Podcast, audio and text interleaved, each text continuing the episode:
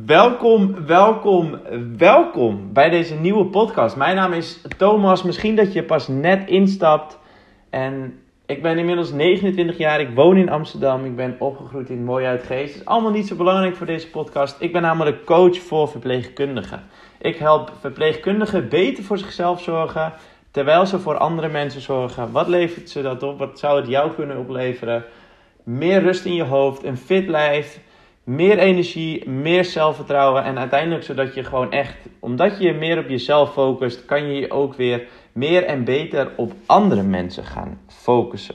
Maar alleen op andere mensen focussen, alleen voor andere mensen zorgen, dat is niet duurzaam.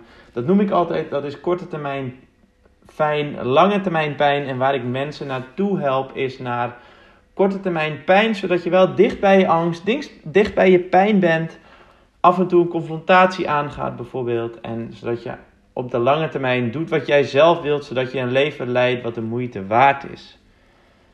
De naam van deze podcast ligt er natuurlijk niet om. Als het de moeite waard is, waarom doe je dan geen moeite? Vandaag postte ik een artikel op LinkedIn en ehm, de titel is De zorgsector heeft te weinig aandacht voor talentontwikkeling. En dan kan het hele artikel met je gaan doornemen, maar dat is volgens mij niet zo heel belangrijk. Meer dan de helft van de ondervragen vond bij een bepaald onderzoek dat hun werkgever te weinig doet aan talentontwikkeling. Aanpakken van de regeldruk. 90% van de verpleegkundigen geeft aan dat regeldruk hun werk beïnvloedt en werkdrukverhoging met zich meebrengt. De ondervraagden zien veel in zinvolle digitalisering, innovatie van met name administratieve systemen. Nou, kijk, ik ben er echt van overtuigd dat. Dit gaat natuurlijk over talentontwikkeling. Ik ben ervan overtuigd dat heel veel verpleegkundigen zelf helemaal niet hun talenten willen ontwikkelen. Ondanks wat dit artikel zegt. Want je talenten ontwikkelen is namelijk heel erg spannend en eng en nieuw. En ja, wat vinden wij niet leuk als verpleegkundigen? Wat vinden verzorgende verpleegkundigen niet leuk? Buiten de comfortzone treden. Want alles wat buiten de comfortzone zich bevindt, dat heb je al heel veel op je werk. Dat is eng nou, wat ik net, net zei. En dat is vaak een no-go. En we willen vaak eerst kijken of we het ehm, kunnen oplossen op een andere manier. En als we toch iets gaan doen in het kader van persoonlijk leiderschap, dan willen we graag dat onze werkgever dat voor ons betaalt. Dat hij ons alles toestuurt, ons volledig ontzorgt richting die dag. En vooral als dat allemaal niet zo goed geregeld is, dan vinden we het echt heel erg lekker om lekker te klagen, om lekker het slachtoffer te zijn. En ja, om vooral geen eigenaarschap te nemen over het feit dat persoonlijk leiderschap. Want begrijp me niet verkeerd. Persoonlijk leiderschap is voor 100% jouw eigen verantwoordelijkheid. En leiderschap gaat om, voor 100% om jouzelf. En begint ook voor 100% bij jouzelf. En het gaat natuurlijk over je comfortzone uiteindelijk. En ja, de, de uitspraak life begins outside your comfortzone is een heel erg cliché, uh, maar hij is ook zo waar. En het vervelende aan je comfortzone is dat heel veel mensen zeggen: ja, maar ik zit lekker comfortabel in mijn comfortzone. Dat is natuurlijk ook wat je zegt en wat het is. Maar je comfortzone is helemaal niet jouw goede raadgever. Want waar je uiteindelijk naartoe wilt, is dat jij naar je leerzone toe gaat. Daarboven zit nog eens je hyperzone. Dus dat betekent dat je hartklopping krijgt, dat je begint te zweten en dat het eigenlijk allemaal te, te spannend is. Ehm, en dan zou het misschien ook kunnen dat als je in je hyperzone, dat je misschien deels een beetje in je fight, flight of freeze bevindt. En in die leerzone, dat is uiteindelijk waar je wilt zijn. Dus ik omschrijf dat zelf vaak als, krijg er geen maagsfeer van, maar het mag best een beetje spannend voelen in je buik. Maar waarom is die comfortzone nou niet een goede raadgever? Als je namelijk gewend bent om altijd beschikbaar te zijn en altijd aan te staan, dan kan een stap terug doen en dus kiezen voor jezelf en jezelf op één zetten, kan als luiheid voelen of als egoïstisch bijvoorbeeld. En als je altijd gewend bent om aardig en gemakkelijk in de omgang te zijn of om mensen te pleasen, kan het aangeven van grenzen als agressief en kil en onaardig voelen voor jou. Als je gewend bent om bescheiden te zijn en je op de achtergrond te bevinden, dan kan het als arrogantie voelen om dus daadwerkelijk in je kracht te staan en te zeggen: hé, hey, ik ben echt een hele goede verpleegkundige. Want ja, laten we eerlijk zijn, dat heeft ook met please te maken. Dat is niet de ruimte nemen of niet de ruimte durven te nemen. En dan als laatste voorbeeld, als je eraan gewend bent om de behoeften van anderen boven die van jouzelf te stellen. En dan kan het dus, dat zei ik echt net ook al, kan het heel erg egoïstisch voelen om prioriteit te geven aan jezelf en om daadwerkelijk jezelf op één te zetten. En het kan ook heel pijnlijk zijn om tot het besef te komen dat ja, hoe je dingen momenteel doet, dat die niet meer voor je werken.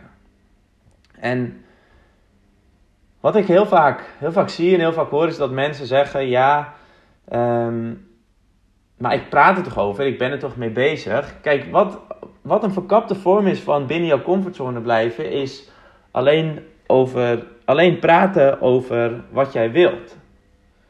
Dus alleen zeggen, ja, ik zou dit graag willen en ik zou dit graag willen. Nee, buiten je comfortzone, jezelf buiten je comfortzone bevinden, heeft te maken met toegewijd handelen en richting jouw waarde bewegen. Want het kan namelijk, of niet het kan, het is heel erg nuttig om met persoonlijke ontwikkeling bezig te zijn altijd. Boeken lezen, coaching krijgen. Ehm, maar uiteindelijk heb je aan alleen inzichten, heb je gewoon echt geen ene fuck. Want ja, ik kan wel tegen jou blijven zeggen van ja, dit is, jouw, dit is jouw controle en dit is jouw vermijding en je zou wat meer kunnen accepteren. Maar die controle en de vermijding, kijk, daar mag je sowieso wat meer mee stoppen. Ehm, dat is natuurlijk ook veilig, want dat is jouw comfortzone.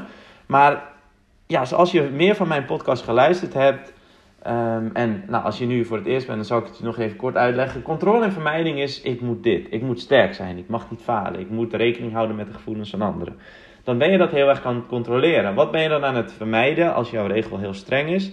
Dan ben je het tegenovergestelde aan het vermijden. Dus als ik niet sterk ben, dan ben ik zwak. En dat ben je aan het vermijden. Uh, waar ging ik ook weer heen? Oh ja, dan is de volgende stap is acceptatie. Dus oké, wat heb ik nog te accepteren van mijzelf, over mijzelf? Uh, ik moet sterk zijn. Oké, ik mag sterk van, mij, van mezelf zijn. Ik mag rekening houden met de gevoelens van anderen. Maar ook dat zijn natuurlijk hele mooie inzichten. Maar als je niet verder komt dan dat, daar heb je niks aan. Want acceptatie is een beginpunt. Een beginpunt van alles. Dat je misschien met bepaalde dingen heel erg blij bent en misschien met bepaalde dingen wat minder blij bent. Want kijk, je kan namelijk naar een psycholoog of naar een coach gaan, en dat zeg ik zelf ook wel eens tegen mensen, ehm, om over jezelf te praten en om over jezelf na te blijven denken. Maar als je uiteindelijk je concrete gedrag niet gaat veranderen, dan heb je er nog steeds echt geen ene fuck aan. Als je blijft Netflixen tot weet ik veel hoe laat in uur in de nacht, terwijl je een dagdienst hebt de volgende dag, of als jouw schermtijd op dit moment 4 uur is en het is over vier weken nog steeds 4 uur, ja, dan heb je natuurlijk daar heb je niks aan. Dat betekent niet dat je heel erg streng voor jezelf hoeft te zijn, maar dan mag je wel naar jezelf gaan kijken van hé, hey, wat is precies de rode draad in mijn, in mijn acties, in mijn handelen, in mijn denken, Waardoor ik het moeilijk vind om te kiezen voor wat ik uiteindelijk wil. Want als je. Stel je voor, je blijft ja zeggen tegen diensten die je eigenlijk niet wilt. Of je blijft jezelf verdoven met je telefoon. Of met alcohol. Of met perfectionisme. Of je blijft altijd aanstaan.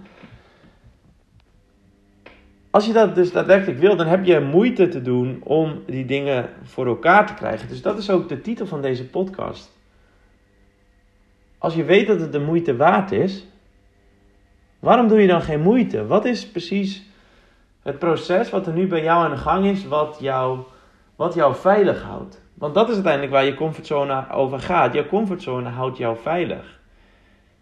Als jouw comfortzone is, ik moet sterk zijn, dan ben je zo erg bezig met, met sterk zijn en jezelf dus veilig houden. En tegelijkertijd is het niet functioneel. Tenminste, dat is uiteindelijk de vraag die je aan jezelf te stellen hebt. Zijn mijn regels, is mijn controle en vermijding, is dat op dit moment functioneel? En wat je daar tegenover kan stellen is, oké, als het niet functioneel is, wat zou ik dan wel willen? Want als het iets is, als het iets anders is, dat je bepaalde dingen wilt, ja, dan is het dus niet meer functioneel. Of misschien is het nog gedeeltelijk functioneel, maar dan heb je dus een switch te maken of een, ja, hoe je dat ook noemt, dan mag je dus naar je leerzone gaan van oké, wat heb ik te leren? Hoe wil ik dat leren en hoe ga ik daar komen uiteindelijk?